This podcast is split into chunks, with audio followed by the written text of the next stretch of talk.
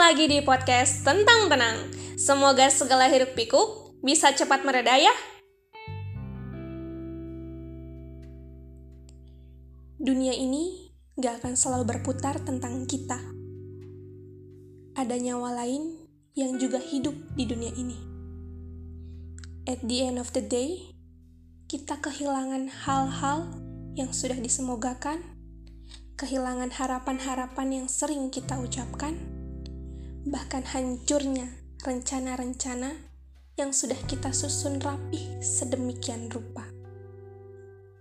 Ikhlas adalah cara untuk kita siap menerima hal yang baru, hal yang sudah digariskan Tuhan atas hidup kita.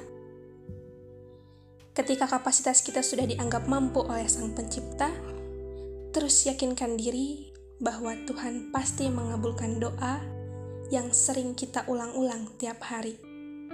Bisa ya? Bisa untuk ikhlas. Hal baru sudah menanti di depan.